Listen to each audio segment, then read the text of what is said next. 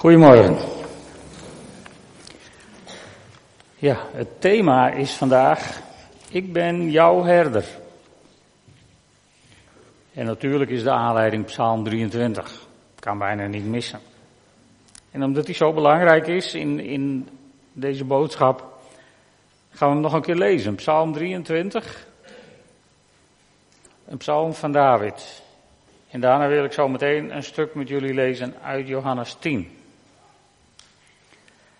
Goed, Psalm 23. De Heer is mijn herder, het ontbreekt mij aan niets. Hij laat mij rusten in groene weiden en voert mij naar vredig water. Hij geeft mij nieuwe kracht en leidt mij langs veilige paden tot eer van zijn naam. Al gaat mijn weg door een donker dal, ik vrees geen gevaar, want u bent bij mij. Uw stok en uw staf, zij geven mij moed. U nodigt mij aan tafel voor het oog van de vijand. U zalft mijn hoofd met olie, mijn beker vloeit over. Geluk en genade volgen mij alle dagen van mijn leven. Ik keer terug in het huis van de Heer tot in lengte van dagen. Een prachtige psalm, vaak ook veridealiseerd, denk ik. Vooral het Eerste vers, de Heer is mijn herder, het ontbreekt mij aan niets. Weet je, ik vind het zo mooi in de King James Version, daar staat, the Lord is my shepherd, I shall not want. En dat is toch subtiel net iets anders dan het ontbreekt mij aan niets. Want ik neem aan dat de meesten van jullie, als je daar heel even voor gaat zitten, een lijstje zou kunnen maken met dingen die je nog wel zou willen hebben. Maar ontbreekt het je daar dan aan? Hè? De psalm zegt niet dat omdat de Heer je herder is, dat je alles hebt wat je hartje begeert. Het boek, die vertaling, die zegt het eigenlijk heel mooi. Ik heb alles wat ik nodig heb. Dan kun je hooguit nog met de herder van mening verschillen over wat je nodig hebt. Maar je hebt in ieder geval alles waarvan de herder denkt dat je het nodig hebt. En dat is wat het betekent. Vanuit de herder gezien ontbreekt het je aan niets. Het beeld van die herder, dat heeft hele oude papieren in de Bijbel. Al in Genesis 48, daar zijn we terechtgekomen bij het einde van het leven van Jacob. Daar gaat Jacob, die zegent zijn kinderen op zijn sterfbed. En dan staat er in vers 15, hij zegende Jozef met deze woorden. De God naar wiens wil mijn voorouders Abraham en Isaac zich richten. De God die mijn leven lang mijn herder is geweest. Dus zelfs Jacob, die kende het beeld al van God, de Heere, als onze herder. En Jezus, die pikt dat beeld heel mooi op in Johannes 10. Staat boven, tenminste in uh, de nieuwe Bijbelvertaling, de goede herder. Johannes 10. Waarachtig, ik verzeker u, wie de schaapskooi niet binnengaat door de deur, maar ergens anders naar binnen klimt, is een dief of een rover. Wie door de deur naar binnen gaat, is de herder van de schapen. Voor hem doet de bewaker open. De schapen luisteren naar zijn stem. Hij roept zijn eigen schapen bij hun naam en leidt ze naar buiten. Wanneer hij al zijn schapen naar buiten gebracht heeft, loopt hij voor ze uit en de schapen volgen hem omdat ze zijn stem kennen. Iemand anders volgen ze niet, ze lopen juist van hem weg omdat ze de stem van een vreemde niet kennen. Jezus vertelde hun deze gelijkenis, maar ze begrepen niet wat hij bedoelde. Hij ging verder. Waarachtig, ik verzeker u, ik ben de deur voor de schapen. Wie voor mij kwamen waren allemaal dieven en rovers, maar de schapen hebben naar hen niet geluisterd. Ik ben de deur. Wanneer iemand door mij binnenkomt, zal hij gered worden. Hij zal in en uitlopen en hij zal wijde grond vinden.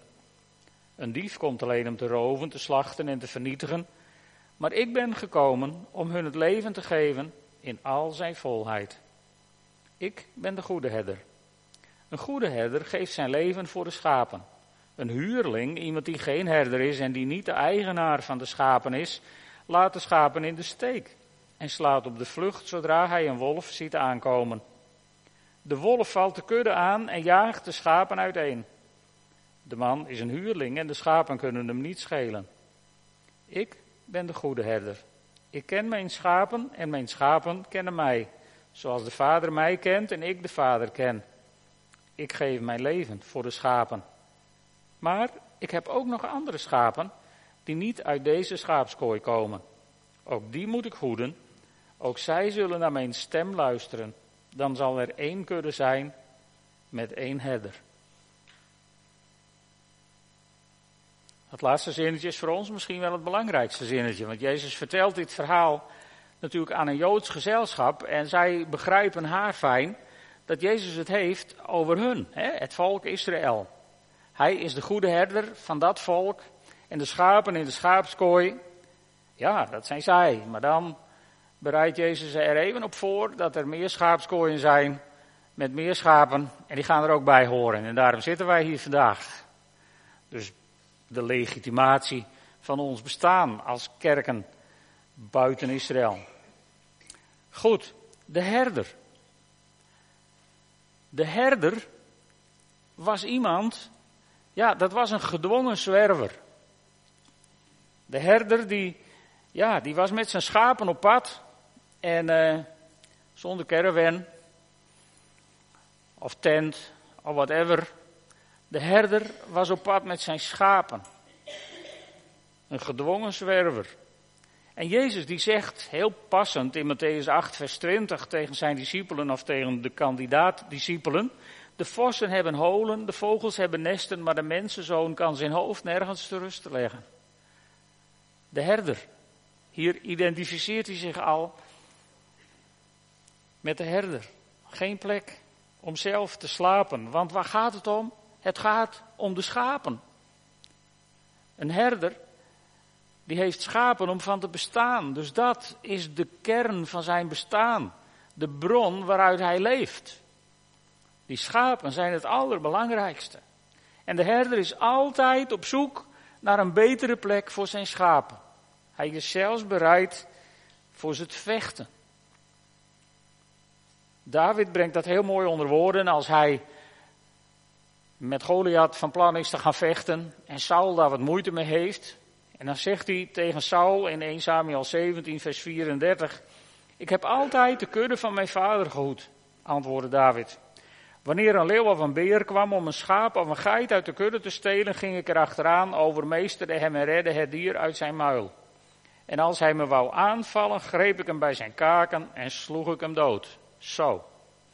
Dat was de herder. Die liet zich niet bestelen, want die schapen, wat ik al zei, waren de bron van zijn bestaan. En dat laat je je niet ontroven. En dan zullen er verschillende herders geweest zijn, maar eh, David, die, nou, dat loog er niet om. Door een leeuw of een beer. Ik denk dat de meesten van ons zouden vragen: hoeveel schapen had u gehad willen hebben? In plaats van hem bij zo'n lurven te pakken en hem dood te slaan.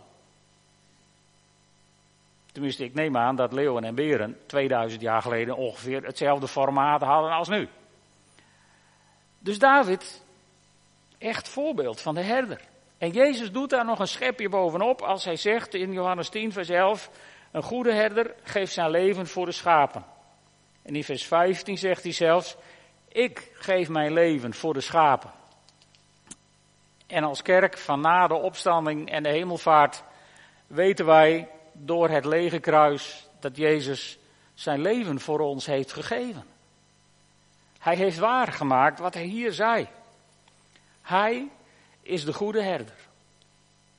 En die goede herder, die is uit op een relatie met zijn schapen. Judson Cornwall, een oude bijbelleraar, die ik vroeger vaak heb horen, mogen horen spreken, die schrijft in een van zijn boeken, schapen waren niet in staat om tot het niveau van de herder op te stijgen, daarom moest de herder afdalen naar het niveau van de schapen. En Klaas zei het al, Klaas heeft schapen. En als je met zo'n schaap even wil praten, dan moet je niet denken dat dat schaap op ooghoogte komt met jou. Dus moet je even op ooghoogte met het schaap.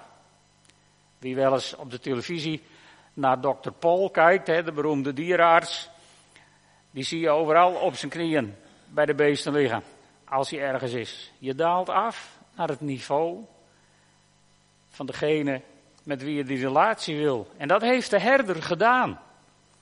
Onze herder, staat in Johannes 1, vers 14, het woord, Jezus, is mens geworden. Hij heeft bij ons gewoond, vol van goedheid en waarheid. En wij hebben zijn grootheid gezien, de grootheid van de enige zoon van de Vader. Hij is afgedaald naar jou en mijn niveau. En de schrijver van de Hebreeënbrief, die brengt dat prachtig onder woorden in Hebreeën 4, vers 15. Daar zegt hij, want de hoge priester, en dat gaat weer over onze herder Jezus Christus, de hoge priester die wij hebben, is er één die met onze zwakheden kan meevoelen. Juist omdat hij, net als wij, in elk opzicht op de proef is gesteld, met dit verschil dat hij niet vervallen is tot zonde. En in Hebreeën 5, vers 2, doordat hij zelf aan zwakheden ten prooi kan vallen, is hij bemachtigd begrip op te brengen voor hen die uit onwetendheid dwalen. Dus onze herder, de goede herder in de hemel, is afgedaald tot jou en mijn niveau. Hij weet wat je voelt. Hij weet dat je opziet tegen een operatie.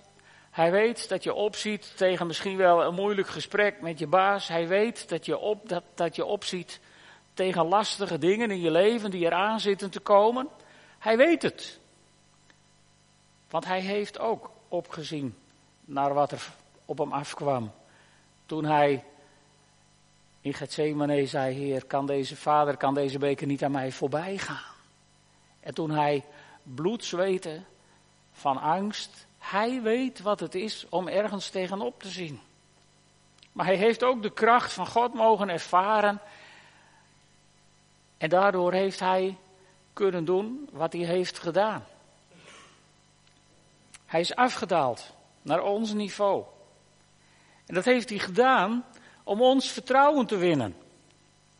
Want ja, waarom vertrouwen schapende herder? Jezus zegt het in Johannes 10 heel mooi. Omdat ze zijn stem kennen. Maar als je iemands stem wilt kennen, betekent dat dat je op zijn minst af en toe eens even naar iemand moet luisteren. Toch?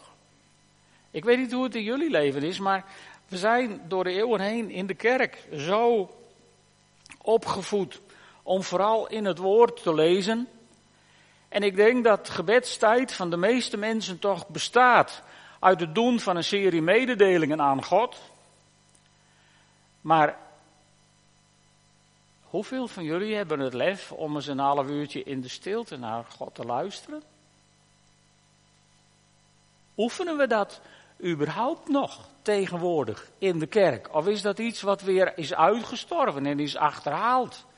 Als je iemand zijn stem wilt herkennen, zul je op zijn minst af en toe tijd moeten nemen om eens even te luisteren. Als ik jullie alleen maar brieven zou schrijven, of als ik alleen maar via Facebook of WhatsApp of whatever met jullie zou communiceren, zou niemand van jullie weten hoe mijn stem klinkt. Misschien voor sommigen een opluchting, maar. Snap je wat ik bedoel? Als je nooit naar iemand luistert, ga je de stem niet leren kennen. En bovendien is dat vertrouwen van die schapen in Israël zeker heel, heel belangrijk. Jezus zegt het heel mooi in dat verhaal. Hij roept de schapen. Dus je moet je voorstellen, een schaapskooi was gewoon een groot omheind stuk, uh, stuk grond zonder dak. En daar werden de schapen s'nachts heen gebracht, zodat roofdieren en dieven ze niet, uh, ze niet konden bemachtigen. En daar waakte iemand over om te kijken dat er niemand binnenkwam. En dan kwam s'morgens kwam de herder, maar alle schapen, je moet je even, even, even voorstellen in, in de tijd van, van de brinkdorpen, zeg maar, die ze hier hadden. Hè, daar had je allemaal boertjes en die hadden wat schapen. En s'nachts waren die op de brink, zeg maar, in de schaapskooi. Allemaal door elkaar, allemaal bij elkaar. Oormerken hadden we nog nooit van gehoord. Dus, dus je kon ze niet, niet uitzoeken. Maar dan kwam de herder en die riep de schapen. Dat is het beeld wat Jezus hier neerzet. Heel hok vol schapen. En dan komt de herder en die roept zijn schapen. En Jezus zegt het zo teer, hij roept ze bij hun naam. Dus hij heeft, hij heeft jouw naam geroepen. Op een dag ergens in je leven heeft hij jouw naam geroepen. En toen ben je naar hem toegekomen. En omdat de schapen van die herder, de stem van die herder kennen, komen ze naar hem toe en gaan ze met hem mee. En de andere schapen, die kijken heel hooguit even op van wat moet die gozer. En die blijven gewoon eh, liggen waar ze liggen of staan waar ze staan. En alleen de schapen die bij de herder horen, omdat ze zijn stem kennen, die gaan met hem mee. En in Israël zie je dan, in het bergland van Judea, zie je op die heuvels, zie je al die kleine schapenpaadjes over die heuvels. Nou, je moet je voorstellen, de herder die loopt over dat schapenpaadje met zijn staf. En alle schapen komen netjes achter hem aan. Er is geen herdershond die ze opjaagt. Het zou in dat bergland veel te gevaarlijk zijn, want als een schaap een sprintje trekt en die valt van dat schapenpaadje, ben je schaap kwijt. Hè? Dus ze werden niet gejaagd, ze werden niet gedreven. Ze volgden vrijwillig de herder, zonder dat daar iemand achteraan zat. Ze wisten van als ik bij die herder blijf, dan is het goed. En als ze ergens in een groene weide waren aangeland, bij rustige wateren, dan stel ik me voor dat zo'n schaap daar staat te grazen of ligt te herkauwen. En af en toe even de kop op tilt. Even kijken, is de herder? Ja, de herder is er nog. En dan gaat het leven rustig verder. Zolang die herder maar in beeld is. Zie ik hem nog? Ja, ik zie hem. Zie ik hem niet? Net als kleine kinderen. Zolang moeder in beeld is, is het goed. Zodra moeder buiten beeld is, zetten we een keel op. Want dan komt ze vast terug. Beetje schapengedrag, hè? het zit er al jong in. Dus die, die, schapen, die voelen zich veilig zolang ze de herder zien. En Jezus vat dat prachtig samen in Johannes 10, vers 3. De schapen luisteren naar zijn stem. Hij roept zijn eigen schapen bij hun naam en leidt ze naar buiten. In vers 4, wanneer hij al zijn schapen naar buiten heeft gebracht, loopt hij voor ze uit. En de schapen volgen hem omdat ze zijn stem kennen. En dan zegt hij in vers 14 nog, ik ben de goede herder. Ik ken mijn schapen en mijn schapen kennen mij. Prachtig. Heel romantisch. Maar het heeft ook een keerzijde. Want Jezus heeft het in dit stuk gehad over huurlingen. En hij heeft het over de herder als de eigenaar van de schapen. En je moet je als schaap wel bewust zijn van je positie. Nou waren dat geen 20e eeuwse schapen met vakbonden en ondernemingsverenigingen en whatever. Maar, maar goed, je moet je als schaap een beetje bewust zijn wat het betekent dat je een herder hebt die jouw eigenaar is. Want als de schapen werden geschoren, dan kon het schaap geen aanspraak maken op een gebreide trui, want die was voor de herder. En, en, en als een schaap werd gemolken, dan kreeg hij de melk niet te drinken, die was voor de herder. En als er een schaap werd verkocht, dan verdeelden de collega schapen de opbrengst niet onder elkaar, maar het geld was voor de herder. En als er een schaap werd geslacht, dan was het broodje zwaar, maar ook voor de herder en niet voor de schapen. Dus je had niks te zeggen als schaap. Je had maar één, je had maar één doel in je leven en dat was de herder volgen. En wat de herder met je deed, dat was aan de herder. Die had alle rechten. En als schaap, ja, was hij zijn eigendom. Dat vergeten we wel eens, volgens mij, als, als christenen. Maar in het Nieuwe Testament zegt Paulus zoiets over de relatie tussen ons en de Heilige Geest. Weet je dat? In 1 Korinthe 6, vers 19 en 20, daar schrijft Paulus, al weet u niet dat uw lichaam een tempel is van de Heilige Geest, die in u woont en die u ontvangen hebt van God.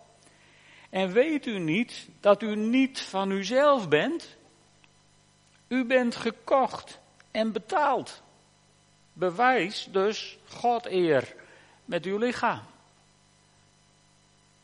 Dus het verschilt niet zoveel van de relatie schaap-herder als wij met de Heilige Geest. Wij zijn gekocht en betaald.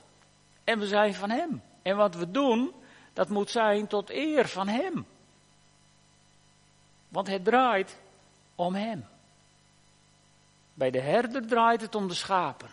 Maar bij de schapen moet het onmiskenbaar draaien om de herder. Het gaat om de herder. En misschien zijn we ons dat wel te weinig bewust. Maar goed, als het zo is, we zijn ons bewust van onze positie. Wij als schapen, wij zijn er voor de herder. En als het ons goed gaat, dan is dat opdat het de herder goed gaat. En de herder zorgt zo voor ons dat het mij aan niets ontbreekt. Wauw, dat is mooi. Judson Cornwall schrijft daarover: In de weide die de herder uitzoekt ontbreekt niets. Problemen ontstaan als schapen zelf gaan bepalen waar ze weiden.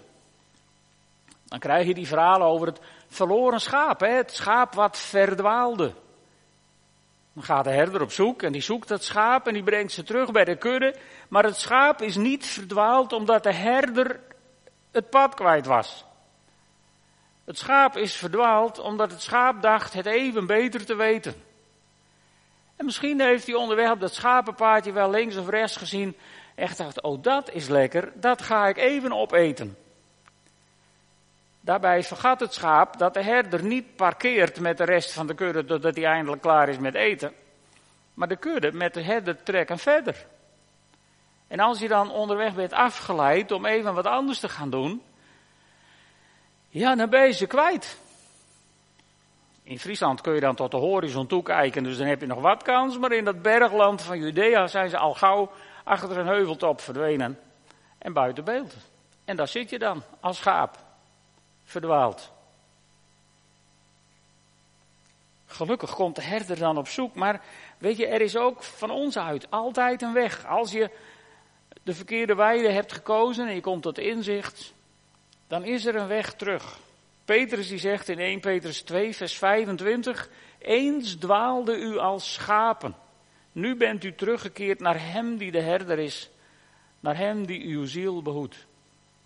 En dat geldt zeker voor de mensen die natuurlijk niet in het volk Israël geboren zijn. Wij, wij uit de heidenen stammende christenen. Wij dwaalden, in ieder geval onze voorouders, als schapen die geen herder hebben. En toen is het evangelie ons gebracht en is die stem van Jezus, heeft ons bereikt. En die heeft geroepen, kom, volg mij. En daar hebben onze ouders, grootouders, overgrootouders, of nog veel verder misschien wel, die hebben daar een keer ja op gezegd. En die hebben jou opgevoed en mij opgevoed met het evangelie. En misschien ook wel niet, misschien ben je wel veel later iemand tegengekomen waardoor je Jezus hebt leren kennen en hem bent gaan volgen. Maar heel veel van ons stammen uit generaties van mensen. En je mag ervan vinden wat je vindt, hoe ze het deden. Maar zij deden het in hun tijd, naar hun inzicht. En wij moeten niet meegaan met de trend van deze tijd om de geschiedenis te beoordelen naar de regels van nu. Hè? Dat, dat moeten we niet doen. Zij, onze voorouders, hebben het gedaan naar beste weten en kunnen met een diep geworteld geloof in de reddende kracht van Jezus Christus. Daar mogen we ook wel eens dankbaar voor zijn.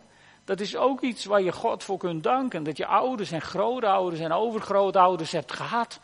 Die, die de Heeren dienden. Op de manier waarop zij dachten dat het goed was. En die jou het evangelie hebben meegegeven.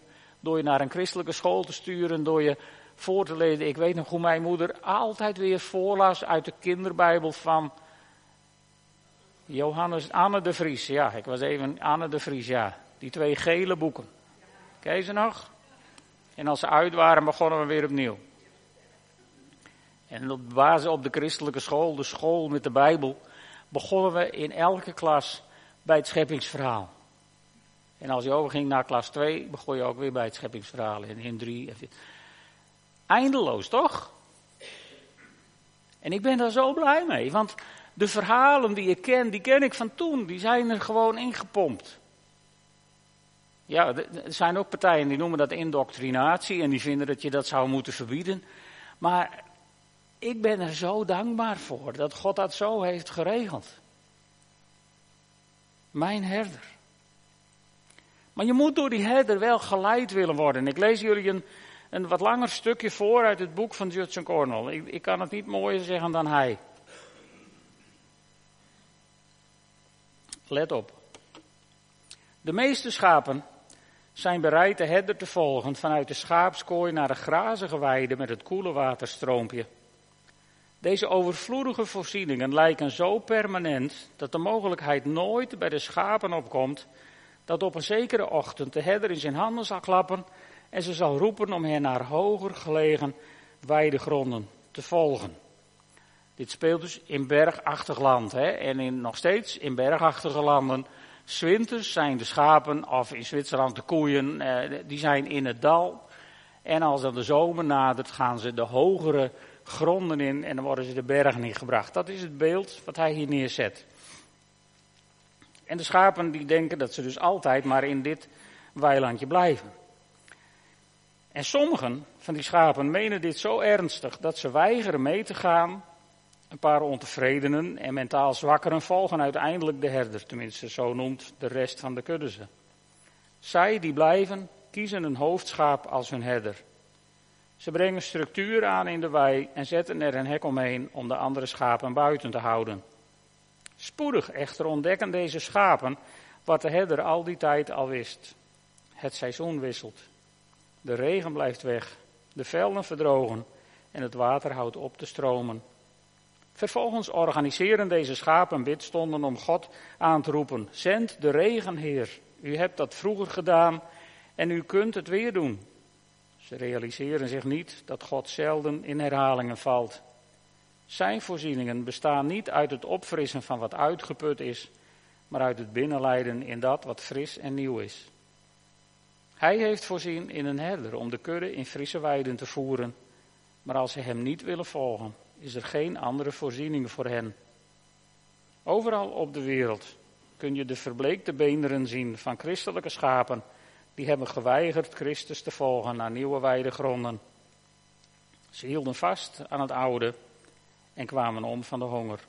Ze hebben grote herinneringen achtergelaten aan vroegere zegeningen, maar ze hebben het leven niet bewaard voor toekomstige generaties. Schapen en christenen zouden hun herder moeten volgen, zonder uitleg, reserve of aarzeling. Alleen dan kunnen ze getuigen. Mij ontbreekt niets. Ik herinner me nog toen ik uh, met Geertje, toen wij net in, in de Pinksterbeweging terechtkwamen, uit de gereformeerde kerk, werd daar heel vaak heel negatief gedaan over traditie. Dat is waar Judson Cornwall het hier ook over heeft. Hè? Traditie zonder het leven erin. Dat zijn die uitgestorven schapen. Verenigd in de stichting Orde, Frieske Tjerken en andere soorten clubben. Hè? En als je op vakantie bent, dan, dan kom je vaak in prachtige kathedralen en schitterende kerken die inmiddels tot museum of tot andere dingen zijn omgetoverd. Omdat het leven er niet is bewaard gebleven. Aan de andere kant moet je er op het evangelisch erf volgens mij voor waken dat we ons niet al te zeer gaan verheffen tegen tradities met een zwart gezicht. Want als je hier na twee kerkdiensten net de derde keer anders doet, staat ook iedereen op zijn achterste poten. Want traditie is gauwer geboren dan je denkt. En traditie is niet waarvoor we geroepen zijn de herder te volgen. De goede herder, die heeft ons niet in een grazige weide gebracht met rustige wateren en daar een grote schutting omheen gezet van hier kom je nooit weer weg. De goede herder heeft ons bij de naam geroepen en Jezus heeft het in, dat, in Johannes 10 zo mooi geschilderd. Hij gaat voor ons uit en hij gaat alsmaar verder voor ons uit. En we mogen hem volgen op onze levensweg. En, en, en, en het kan zomaar zijn dat misschien de Heilige Geest je, je leidt. Ja, hier zitten genoeg mensen die uit de weide van één gemeente zijn vertrokken de herder gevolgd, zeg maar even, naar de weide in deze gemeente. En misschien gaat op een dag de herder jou wel meenemen en zeggen: Kom, met jou ga ik weer verder ergens anders naartoe. Het zou kunnen.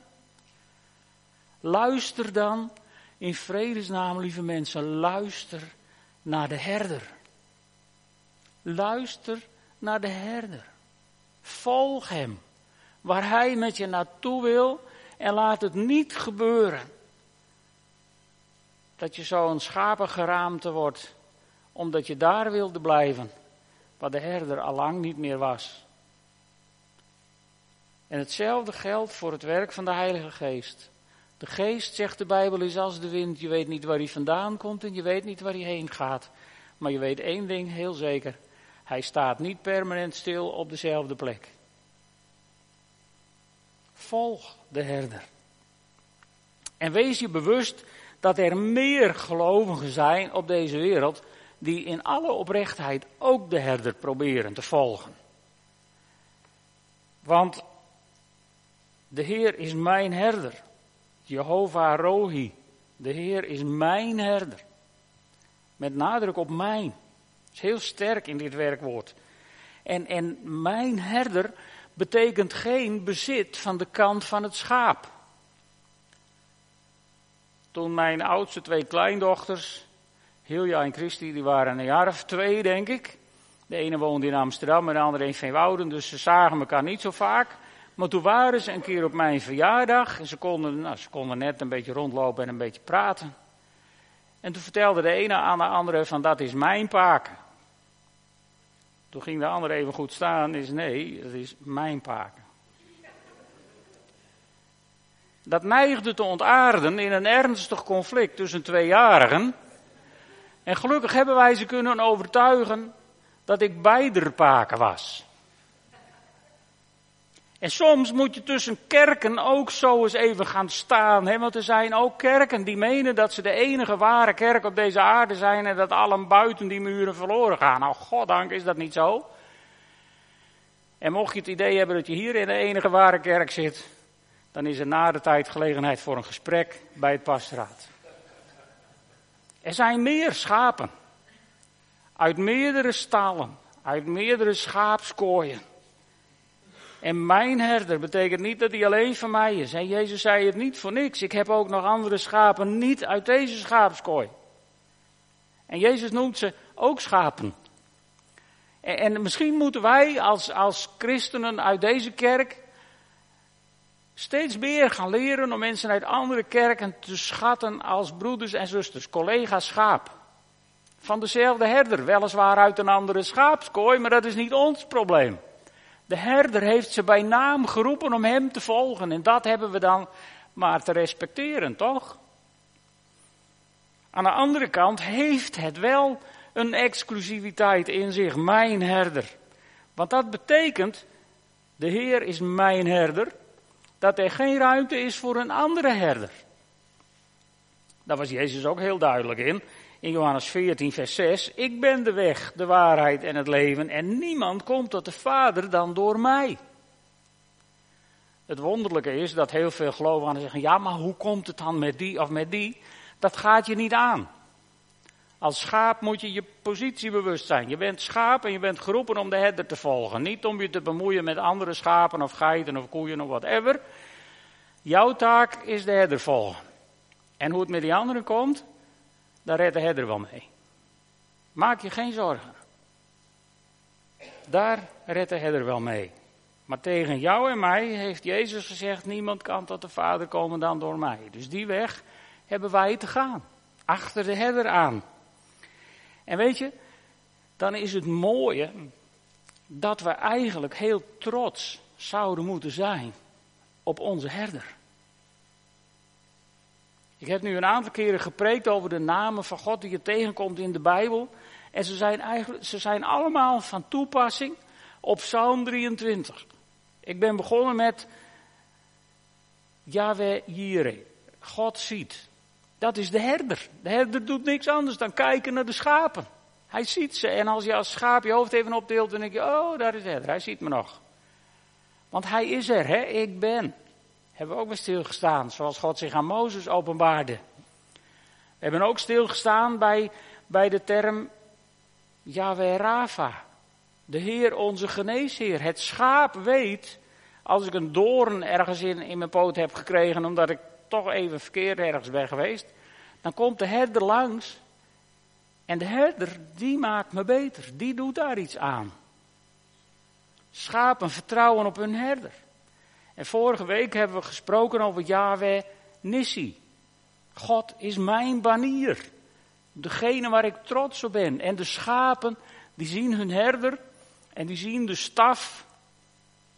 Zoals mijn herder heeft de mooiste staf en die volg ik. En de herders, of de schapen, zijn hartstikke trots op hun herder. En die zeggen het zo mooi in Psalm 23. Want dit is geschreven vanuit een schaap. Want het begint met de Heer is mijn herder. Mooi hè? Nou, dan zie je schaap David staan. En die zegt, de Heer is mijn herder. Het ontbreekt mij aan niets. En dan de mooiste zin eruit misschien wel. Al gaat mijn weg door een donker dal. Ik ben niet bang. Want u bent bij mij. Is het niet geweldig om zo schaap te mogen zijn van deze herder?